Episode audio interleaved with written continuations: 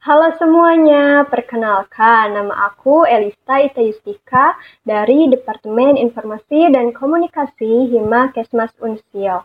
Nah, Departemen Informasi dan Komunikasi pada kali ini akan melaksanakan agenda Q&A session dengan tema pentingnya berorganisasi sebagai mahasiswa kesehatan masyarakat. Narasumber dalam Q&A session kali ini adalah Bapak Rian Ari Gustaman SKM MKes. Beliau ini merupakan salah satu dosen di jurusan Kesehatan Masyarakat Fakultas Ilmu Kesehatan Universitas Siliwangi. Nah, yuk langsung aja kita simak videonya. Iya, uh, baik. Mungkin sebelumnya bagaimana nih Pak uh, kabarnya pada hari ini? Alhamdulillah baik, sangat baik. Ini yang hadir hadir di sininya cuma empat orang ya? Ya Bapak betul, karena ini uh, hanya agenda dari Departemen Infokom saja Pak. Oke. Okay.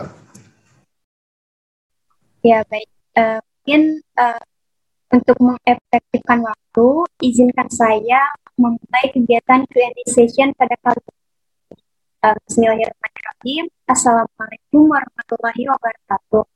Um, sebelumnya, perkenalkan, uh, nama saya Ita Yustika dari Departemen Informasi dan Komunikasi Himakes Mas Unsil yang pada hari ini akan memandu uh, kegiatan Q&A session dari awal ke akhir. Nah, Q&A session pada kali ini mengambil tema yaitu pentingnya berorganisasi uh, sebagai mahasiswa jurusan kesehatan masyarakat. Nah, uh, pada kali ini juga uh, yang menjadi narasumbernya merupakan dosen dari jurusan Kesmas uh, Fakultas Ilmu Kesehatan Unsil. Oh ya, uh, pertanyaannya itu merupakan pertanyaan-pertanyaan yang sebelumnya sudah kami kumpulkan terlebih dahulu melalui question box di Instagram Mas Funsial. Uh, baik, uh, sebelumnya uh, izinkan saya untuk membacakan terlebih dahulu sekilas mengenai narasumber kita pada hari ini. Nama lengkap, uh, Bapak Rian Agus Taman, SKM um, pengalaman kerja itu yang tiga teratas ada dari 2000 2005 sampai sekarang yaitu sebagai dosen Kesmas FIK Unsil. Lalu ada dari 2016 sampai 2018 yaitu sebagai dosen tamu jurusan rekam medis Poltek Tasikmalaya dan dari 2020 sampai sekarang sebagai dosen tamu jurusan keperawatan BTH Tasikmalaya. Dan yang terakhir saya lihat dari 28 Juli 2021 hingga sekarang itu beliau menjadi supervisor program puspa pengendalian COVID di Kabupaten Tasikmalaya. Nah, mungkin untuk pendidikannya itu S1-nya Kesehatan Masyarakat Unsil dan S2-nya Master Ilmu Kesehatan Masyarakat Undip Semarang. Baik, eh, itulah sekilas mengenai eh, narasumber kita pada Q&A kali ini. Mungkin untuk mengefektifkan waktu juga, uh, apakah uh, boleh dimulai saja Pak sesi tanya jawabnya? Boleh, silakan silakan. Siap. Baik, uh, baik Pak.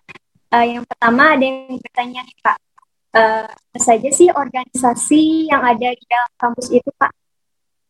Ya, uh, Organisasi yang ada di dalam kampus ini sebetulnya cukup banyak ya. Dari mulai organisasi uh, yang bersifat eksekutif itu ada BEM, ada badan legislatif juga, termasuk yang HIMA ini ya.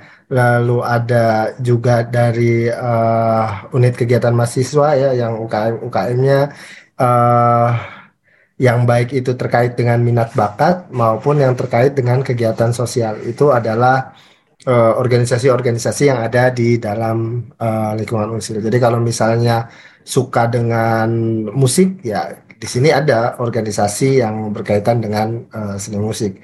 Olahraga di unsur ada juga kaitannya dengan organisasi yang kaitannya dengan olahraga. Itu mungkin jawaban, eh jawaban, ya jawaban pertama. Oh iya baik Pak. Nah tadi sempat sempat disinggung ya Pak tentang BEL, BEM sama BLM. Nah hmm. terus uh, pertanyaan kedua itu ada yang bertanya uh, BEM maupun BLM itu termasuk bidang organisasi apa ya Pak? Ya, BEM BLM itu ya organisasi intra kampus sebetulnya ya. Karena organisasi itu ada intra kampus, ada uh, ekstra kampus.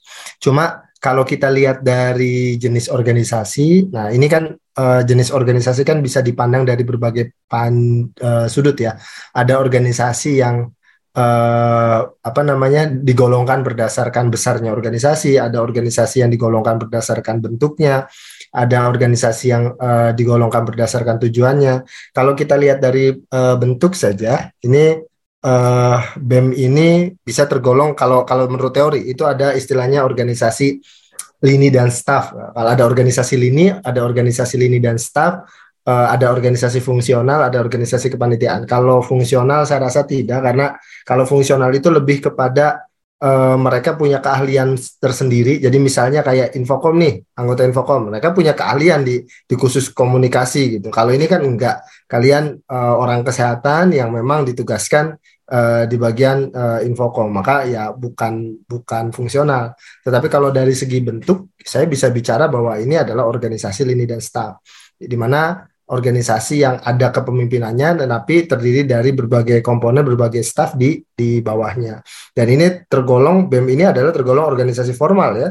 Karena di SK kan ada strukturnya ada kegiatannya jelas ada pendanaannya jelas. Nah itu yang disebut dengan organisasi formal. Kalau organisasi informal organisasi yang memang uh, tidak tertulis tidak ter kan ya uh, dibentuk secara secara tiba-tiba ditunjuk siapa ketua dan sebagainya. Nah itu uh, organisasi informal. Nah itu yang kedua. Oh iya baik pak uh, lalu selanjutnya yang ketiga itu ada yang bertanya apakah mahasiswa kesmas wajib mengikuti organisasi pak? Soalnya um, yang saya rasakan itu uh, dari awal kita kuliah sudah ada apa sih kayak sosialisasi untuk mengikuti organisasi gitu Pak? Apakah itu memang sebenarnya diwajibkan? Ya, uh, kalau kebijakan mewajibkan organisasi di lingkungan kampus sebetulnya tidak ada ya. Jadi kalian wajib masuk uh, organisasi itu tidak ada. Tapi uh, kalau dalam Islam mah saran uh, lebih ke sunnah muakad merenya. Jadi uh, usahakan orang kesmas ya berorganisasi karena kesmas itu berbeda dengan tenaga medis yang lainnya. Jadi ini yang yang harus eh tenaga medis maaf, tenaga kesehatan lainnya. Jadi kalau tenaga kesehatan lainnya itu dia eh, pekerjaannya adalah bagaimana dalam tanda kutip menyembuhkan orang ya, bagaimana eh, apa namanya uh, ngatur obat ini itu dan sebagainya. Nah, kalau kesmas itu kan ngatur orang. Harus banyak berkomunikasi dengan orang-orang lain, ber, banyak berkomunikasi dengan masyarakat. Nah, pengalaman-pengalaman itu hadirnya ya ada di uh, organisasi. Jadi kalau bicara tentang wajib tidak wajib, secara kebijakan tidak diwajibkan, secara aturan ya tertulis itu tidak ada kewajibannya. Tetapi uh, secara uh, kebutuhan, nah saya nyebutnya kebutuhan lah. Secara kebutuhan maka mahasiswa Kesmas itu wajib untuk berorganisasi. Ya, itu secara kebutuhan. Tapi kalau secara kebijakan tidak ada yang uh, mewajibkan seperti itu. Oh iya baik Pak. Uh, kemudian uh, masih berkaitan nih pertanyaan yang keempat tuh uh, kayak pertanyaan yang ketiga uh, seberapa penting sih Pak uh, organisasi untuk karir kita di masa yang akan datang khususnya dalam lingkup kesehatan masyarakat Ya, tadi udah dijelas eh, sudah sedikit saya jelaskan ya. Pentingnya saya bilang ini sunnah muakkad benar gitu ya. Jadi eh, kita ini anak kesmas ini hidupnya dengan masyarakat, pergaulannya dengan masyarakat, maka pola pikir kita itu akan terbentuk ketika kita belajar berorganisasi dari awal. Jadi akan sangat berbeda orang yang berorganisasi sama yang tidak berorganisasi akan sangat berbeda orang yang senang bersosialisasi dengan orang yang kurang bersosialisasi. Nah, organisasi ini bukan hanya ilmu yang kita dapatkan sebetulnya, tetapi adalah uh, uh, apa namanya pengaruh lingkungan yang kita dapatkan. Jadi uh, dengan organisasi itu kita bisa berpikir kritis. Nah, ini ini yang kurang di di kita di di Indonesia ini adalah uh, apa namanya critical thinking berpikir uh, berpikir kritis ya berpikir sistematis itu adanya di uh, organisasi. Karena kita terbiasa uh, apa namanya ya merapihkan kegiatan merencanakan kegiatan menganalisis kegiatan bertemu dengan masalah ya uh, terbiasa bekerja de dengan tim. Nah itu akan terlihat sekali. Jadi orang kesmas agak akan akan sangat kesulitan ketika mereka tidak berorganisasi. Kenapa? Karena ketika mereka dalam dunia kerja yang mengharuskan mereka bertemu dengan banyak masyarakat, peminatan mana pun ya, peminatan mana pun, mau peminatan AKK maka mau tidak mau dia harus bertemu dengan uh, para pemangku kebijakan. Eh, orang-orang uh, EPID maka dia bertemu dengan uh, berbagai macam kasus dan mereka harus melakukan analisis situasi. Orang-orang promkes mereka harus bagaimana caranya agar bisa uh, mengedukasi masyarakat. Orang-orang kesehatan lingkungan sama bagaimana agar uh, yang dilakukannya itu tidak uh, apa nih dianggap buruk oleh masyarakat. Nah itu kaitannya dengan organisasi, kemampuan pendekatan, kemampuan advokasi, kemampuan uh, lobby, kemampuan berbicara, kemampuan pola pikir. Nah, itu bisa terbentuk ketika kita berorganisasi. Ya uh, saya selalu bilang kalau orang yang ini tuh ya berorganisasi itu uh, sedikit banyak merubah pola kita, merubah pola pikir kita, ya. Itu. Oh iya, baik Bapak. Uh, selanjutnya pertanyaan nomor lima ini uh, yang sering menjadi uh, apa sih dilema gitu para mahasiswa uh, kalau apa yang harus dilakukan oleh mahasiswa Kesmas untuk mencapai tujuan pembelajaran saat berorganisasi? Karena kan e, pastinya kita akan sibuk organisasi, sibuk akademik, belum lagi yang di luar kampusnya gitu Pak. E, bagaimana Bapak? Saya ingat kata kata-kata dari salah satu tokoh agama di Garut. Waktu itu saya masih jadi ketua ketua harian uh, BEM saya menjabat sebagai uh, Departemen Pendidikan di HMI. Saya masih ingat kita, ketika kita sowan ke salah satu kiai, uh, jawabannya adalah seorang aktivis itu ya lulusnya tepat waktu. Seorang aktivis itu ya ciri khasnya adalah ya pintar. Seorang aktivis itu uh, bukan orang yang memang kuliahnya mundur, bukan. Ya, seorang kita lihat uh, uh, sebagai contoh yang yang sederhana, ya, uh, Ketua BEM UGM, uh, apa namanya, kancah internasionalnya sangat luar biasa, kemampuan kemampuannya menganalisis sangat luar biasa. Jadi kalau ada yang mengatakan bahwa saya terlambat karena uh, uh, aktif uh, apa namanya di di urusan organisasi, saya tidak mengerti uh, organisasi yang mana gitu ya. Karena waktu uh, menyusun mengatur pembelajaran dan sebagainya, itu sebetulnya ketika kita punya keinginan untuk belajar, ya apalagi zaman kuliah. Kuliah itu kan uh, jamnya bisa kita atur sendiri. Ketika kita tidak bisa masuk di kelas kita, kita bisa masuk di kelas yang lain. Ya, bahkan kalaupun kita tidak kuliah, ya kita bisa belajar sendiri di rumah. Karena pembelajaran di ruang kelas pun di dosen pun tidak 100% ya. Uh, lebih banyak. Bahkan sekarang dosen itu diwajibkan yang yang belajar sendiri itu mahasiswa sebanyak 70% loh. 30% dosen itu hanya menyampaikannya. Jadi sebetulnya tidak ada alasan ke, uh, ketika Anda berorganisasi lalu mengatakan bahwa uh, saya tidak bisa belajar karena saya sibuk di organisasi. Itu karena Anda terlalu banyak mungkin mengambil organisasinya itu bisa jadi seperti itu.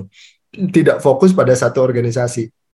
Uh, hanya ikut-ikutan saja. Jadi uh, ini ada lagi tren ini gabung ke sini, ini ke sini gabung ke sini. Nah, kalau kita bagaimana kita mengatasi pembelajaran kita, fokus pada satu organisasi ya yang uh, menjadi tujuan tujuan arah kita. Nah, sehingga uh, di situ kegiatan-kegiatan itu yang memang nanti dibagi oleh Anda uh, dengan pembelajaran saya ada beberapa mahasiswa yang uh, saya saya anggap pintar dan dia tidak berorganisasi. Lalu saya bilang kamu ikut organisasi saja. Ikut organisasi karena dia tidak tidak bergaul ya. Lalu dia gabung waktu itu di BEM dan alhamdulillah ya akhirnya dia malah mampu berkomunikasi dan saya bilang udah cukup di BEM nggak usah ke yang lain lagi ya, karena uh, nanti malah membuat uh, apa namanya banyak banyak waktu yang terbuang sehingga faktor lelah dan uh, sebagainya jadi kalau ada yang bagaimana saya mengaturnya ya tadi uh, harus ada tekankan prinsip aktivis itu harus menjadi contoh bagi teman-teman Anda yang tidak aktivis. Maka aktivis itu harus yang lulus duluan sebetulnya. Aktivis itu yang memberikan contoh baik bahwa membagi waktu itu bisa dilakukan antara kesibukan dan sebagainya. Ya, jadi kalau kalian mau bilang jadi aktivis sibuk pak. Akhirnya susah ng ngatur pembelajaran. Dosen itu lebih sibuk ya. Tapi masih bisa tetap ngajar masih bisa uh, tetap membagi waktu A B C dan sebagainya. Ya seperti itu mungkin. Ya baik bapak. Uh, mungkin uh, ke pertanyaan nomor 6 ada yang bertanya pak uh, apakah ada tips untuk memilih organisasi bagi mahasiswa kesmas oh ya uh, tipsnya adalah apa pun organisasi itu sebetulnya Anda mau mau orang kesmas ataupun bukan kesmas eh, tips yang pertama adalah masuklah ke organisasi yang bisa mengembangkan eh, minat dan bakat kita. Ya itu karena apa? Karena di situlah kita banyak belajar. Jadi misalnya contoh ini eh, Elista ini suka menggambar ya masuklah ke organisasi seni rupa Ya, di sana Elista akan bertemu dengan orang-orang yang menyukai hal yang sama, mungkin ilmunya uh, memiliki sesuatu yang berbeda dan Elista bisa belajar di sana. Ya, jadi jangan sampai ketika uh, Elista suka uh, mewarnai tapi masuk organisasinya sepak bola misalnya. Nah, itu juga salah, ya. Kalau misalnya Elista ini senang senang ber berpolitik ya memberikan pendapat dan sebagainya ya segera masuk BEM karena di situlah uh, kualitasnya eh bukan kualitas kemampuan dari Elista ini diasah. Tetapi jangan asal masuk ke semua organisasi yang tadi ikut-ikutan temannya saja. Yang paling penting jangan ikut-ikutan teman.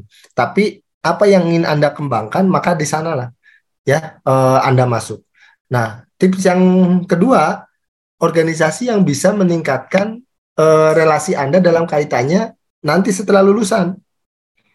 Ya, jadi ketika Anda orang kesehatan, maka cari sebetulnya organisasi-organisasi yang memungkinkan Anda nanti setelah lulus itu bisa uh, mempermudah Anda untuk untuk ya entah mencari pekerjaan ataupun uh, memudahkan Anda untuk uh, apa namanya? Uh, mengembangkan kemampuan Anda di di dunia kampus. Itu ya. Karena waktu kita sedikit dan pertanyaannya 14 ya saya.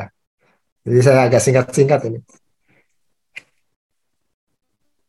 Ya baik Bapak, uh, langsung ke pertanyaan selanjutnya, uh, impact seperti apa yang harus diberikan oleh mahasiswa ketika mereka berorganisasi gitu Pak, impactnya? Ya, ini teh impact mahasiswa diberikan ke organisasi atau impact terhadap dirinya ya? Impact itu kan dampak ya? Ya, uh, sepertinya uh, apa yang bisa mahasiswa berikan mungkin ya ketika ya, ya, ya. berorganisasi Jadi, di situ. Betul betul. Ya, ini yang mungkin yang yang saya ini kan mahasiswa apa bisa uh, memberikan apa impact apa ada dampak apa yang bisa diberikan kepada uh, uh, organisasi. Ya siapa pun anda masuk sebuah komunitas baru dan sebagainya itu adalah uh, bayangkan pada diri anda bahwa anda itu adalah agent of change uh, membawa sebuah perubahan. Walaupun perubahan itu tidak banyak, tetapi ya ada pembedanya di organisasi Anda. Ketika uh, saya punya teman ya yang sekarang jadi kepala BPJS di uh, Kabupaten Tasik dulu adalah ketua BEM Unsi, uh, ketua BEM Kesmas ya. Dulunya ketua BEM Kesmas angkatan ketiga. Nah, uh, biasanya BEM itu ketika habis masa jabatan mereka akan uh, wisata dari sisa uang. Nah, lalu diawali oleh uh, Kang Erdi itu, itu tidak ada uh, wisatanya tetap jalan, tetapi memberikan sesuatu kepada angkatan berikutnya. Ya, waktu itu dibelikan sebuah komputer, sebu uh, dibelikan sebuah PC, lalu diupayakan untuk ada ruangan. Ya, jadi kalau kalian kalau ruangan yang sekarang uh, itu awalnya lebih besar, kalau kalian kan udah disekat-sekat ya. Itu dulu perjuangan dari Kang Erdi itu sampai kita akhirnya punya ruangan sendiri. Ya, dulu gitu dulu itu BEM itu nggak ada ruangan. Setelah itu awalnya kita diberi ruangan di atas di, di pasca sarjana, lalu dipindahkan eh, awalnya di kolong apa nih kolong tangga itu ya BEM dulu di situ kita tidak terima akhirnya kita dipindahkan ke atas uh, benar-benar seperti kantor itu di tangga juga dekat tangga itu di pasca sarjana. Nah lalu dipindahkan ke ruangan yang lebih besar itu di sana. Nah itu adalah sebuah perubahan. Jadi intinya kalau misalnya kalian bergabung dalam sebuah organisasi berikan sebuah perubahan ke arah yang lebih baik untuk organisasi itu. Jadi jangan hanya sekedar menjadi tim penggembira, tetapi bagaimana kita bisa membuat sebuah perubahan di sana. Ya, contoh misalnya eh, tadi saya Elista, Elista ini di Infocom, ya yang tadinya Infocom itu misalnya eh, tidak ada acara seperti ini, akhirnya bisa jadi ada acara seperti ini. Nah itu eh, berefek baik karena organisasi yang baik itu adalah organisasi yang maju ke depan, bukan eh, mundur ke belakang.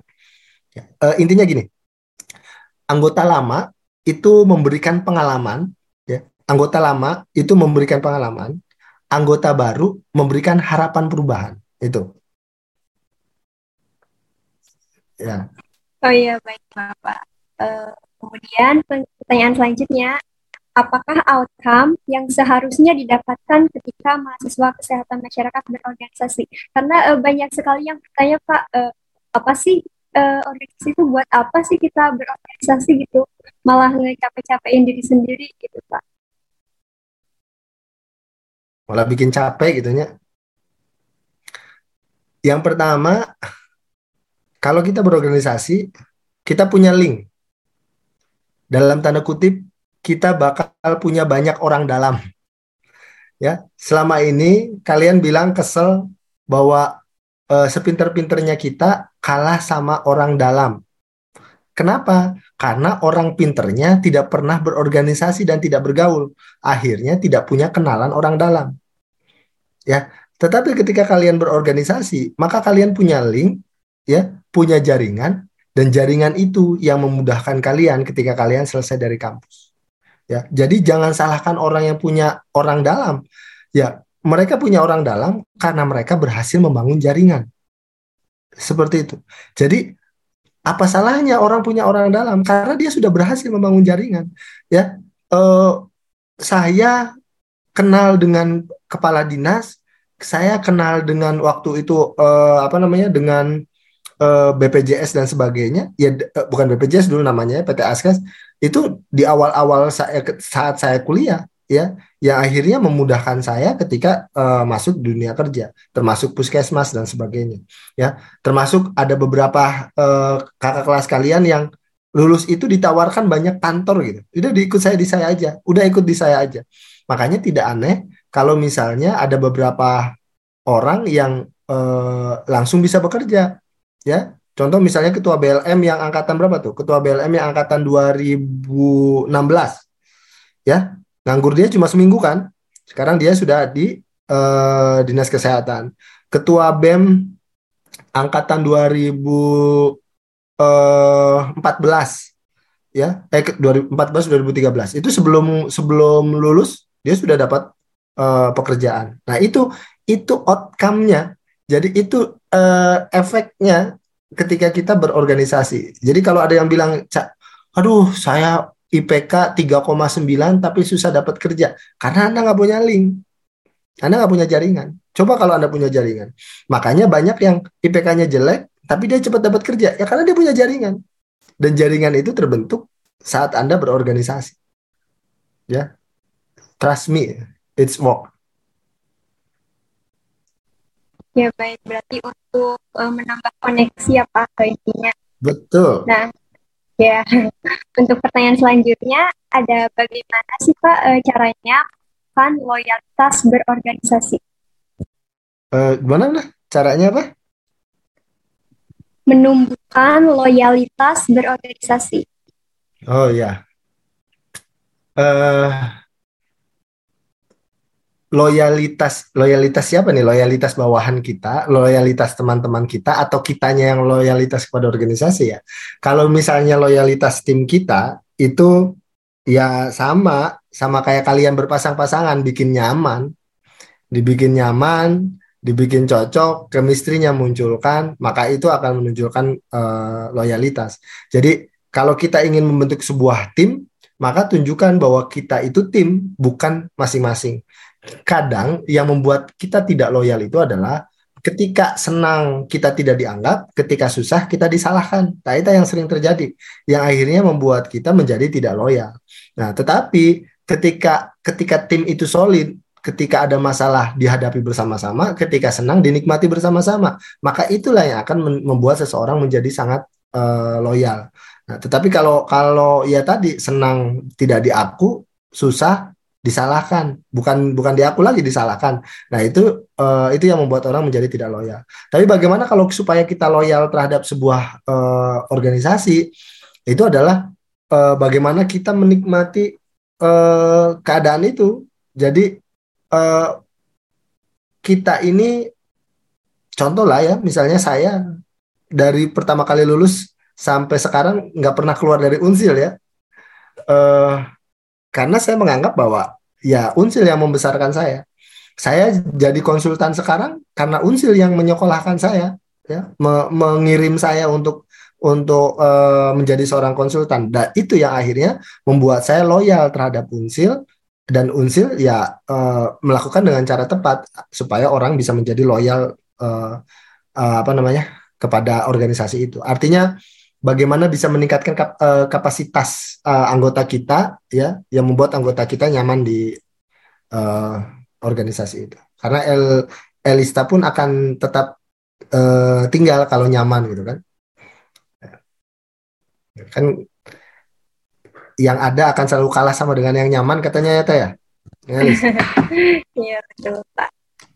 Baik Pak, mungkin pertanyaan yang ke-10 ada yang bertanya Pak salah satu tujuan kita berorganisasi kan uh, untuk melatih manajemen waktu. Namun faktanya malah sebaliknya uh, bagaimana tips sukses supaya tujuan kita untuk bisa memanajemen waktu dengan cara berorganisasi itu bisa berhasil. Ya, sama ya kalau manajemen waktu saya juga kadang suka ngaco ini teh. Ah, sebetulnya manajemen waktu itu yang pertama adalah kalau saya sekarang uh, jadi saya manajemen waktu saya yang sekarang kacau. Kenapa? Karena tidak ada yang mengingatkan. Ya, saya eh, kenapa tidak ada yang mengingatkan? Artinya saya tidak membentuk tim itu. Makanya manajemen waktu itu adalah bagaimana tips manajemen waktu ketika kita berorganisasi adalah kita membagi pekerjaan yang pertama dengan teman-teman kita di organisasi. Jadi tidak ada mana yang lebih baik, tidak ada mana yang lebih buruk, tidak ada mana yang lebih berat atau mana yang lebih ringan. Tetapi bagaimana kita membagi? Jadi misalnya Elista ini dengan siapa gitu ya di bagian informasi uh, Departemen Informasi uh, Infokom ini uh, sudah menyusun sendiri. Elista ini jadwal kuliahnya hari ini, hari ini, hari ini, hari ini. Yang lain jadwal kuliahnya hari ini, hari ini, hari ini. Maka pembagian itu itu bisa menjadi uh, tips kita agar kita mampu memanage waktu dengan baik. Nah, yang kedua, uh, bagaimana kita bisa memanage waktu dengan antara organisasi misalnya dengan uh, belajar uh, patuh sama janji kita sendiri. Nah, ini kita yang agak repot itu adalah ketika kita tidak patuh sama janji kita sendiri janji yang sering dihianati dan diingkari adalah janji pada diri kita sendiri. Ya, itu yang sering dihianati.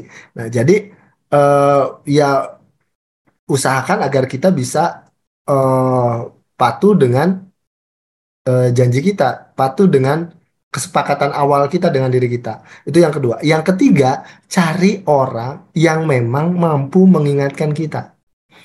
Ya, saya uh, saya itu orang yang sering kelupaan ngabsen ngabsen kampus ini. Jadi saya sering sering ngajar kayak gini ngajar misalnya, tapi saya nggak dibayar nih karena uh, hariannya. Kenapa? Karena saya lupa ngabsen. Makanya saya menciptakan suasana yang mulai dari HP saya bikinkan alarm ya. Kalau dulu itu saya punya asisten, yang asistennya menjadi berisiknya saya uh, mengingatkan saya terus ya. Nah itu uh, tips ya, yang ketiga. Jadi intinya coba cari kalau Anda pemalas, coba cari teman yang rajin.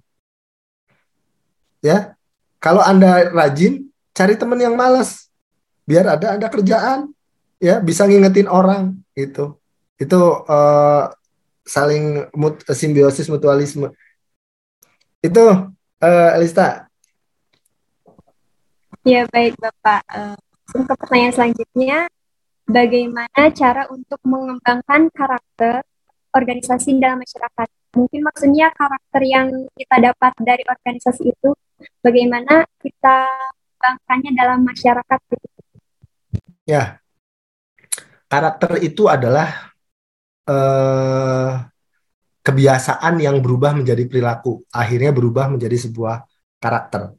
Nah, makanya kenapa kalau kalian berorganisasi itu kalian sering berorganisasi itu, maka terciptalah karakter buat kalian. Jadi kalau kalian e, mengatakan bahwa bagaimana tadi menciptakan karakter ya, sebetulnya e, karakter kalian akan tercipta dengan sendirinya dengan lingkungan yang e, di sekitar kalian. Ya, makanya saya e, saya selalu bilang lebih baik lebih baik kita ting, e, lebih baik kita menjadi orang bodoh di sekitar orang pintar dibandingkan menjadi orang pintar di sekitar orang bodoh. Kenapa? Kalau kita menjadi orang paling bodoh di sekitar orang pintar, maka karakter kita akan berubah menjadi karakter orang-orang pintar. Ya, dari mulai ngerjain tugasnya, ngumpulin tugasnya, bla bla bla dan sebagainya, karakternya akan terbentuk di sana. Nah, sehingga ketika kalian ke dunia luar, karakter itu akan terbawa. Jadi kalau uh, uh, beberapa mentor sering bilang kan, kalau kalian ingin berubah, maka lakukan itu selama 40 hari berturut-turut, bertahan itu. Karena 40 hari itu yang akan menciptakan karakter kita. Ya. Jadi itu. Jadi e, berorganisasilah karena organisasi itu betul-betul akan menciptakan karakter karakter kita. Baik itu karakter memimpin, ya, karakter menganalisis, e, karakter e, tepat waktu dan sebagainya. Gitu. Ya baik Bapak. mungkin uh, pertanyaan yang terakhir nih Pak. Uh, mempersamakan persepsi mungkin sangat sulit Bagaimana caranya atau tips agar mempermudah menyamakan persepsi setiap anggota organisasi?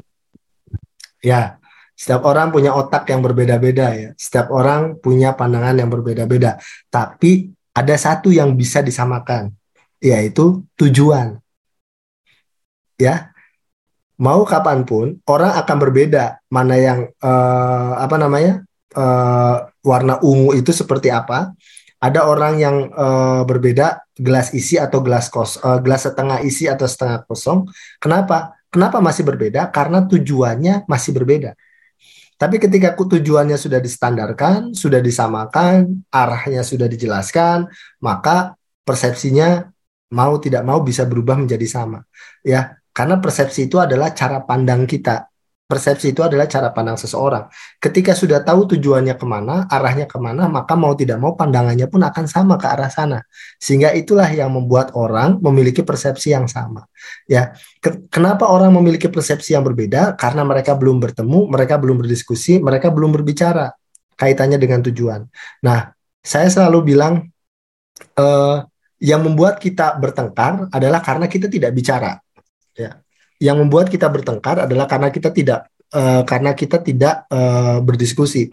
Ya tapi ketika kita bertemu uh, uh, ngobrol dan sebagainya tahu kenyataan yang sebenarnya oh seperti ini oh karena itu oh karena ini ya akhirnya persepsinya bisa uh, bisa menjadi sama. Jadi uh, berkumpul brainstorming tidak saling menyalahkan ya uh, memahami satu sama lain itu akhirnya membuat persepsi kita bisa menjadi sama yang paling penting adalah bagaimana kita mensinkronkan tujuan kita. Itu. Kayaknya pas 40 oh, iya, menit ya. Iya, alhamdulillah sudah selesai Pak. Mungkin uh, kalau dapat saya simpulkan tadi uh, ternyata organisasi itu sangat penting ya Pak, terutama untuk membentuk karakter kita dan juga tadi uh, menambah koneksi kita supaya uh, karir kita juga terjamin di masa yang akan datang. Betul. Mungkin untuk yang terakhir Pak uh, boleh uh, dari Bapak barangkali ada closing statement. Uh, saya persilahkan Pak.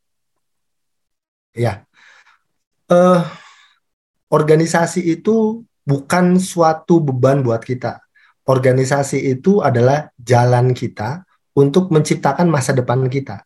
Ya, organisasi itu membuat pola pikir kita bisa lebih berkembang, membuat pandangan kita bisa ke berbagai macam arah, pola uh, organisasi itu bisa membuat kita memiliki banyak jaringan, organisasi itu bisa membuat kita memiliki orang dalam dan itu bisa menentukan masa depan kita nanti ke sana.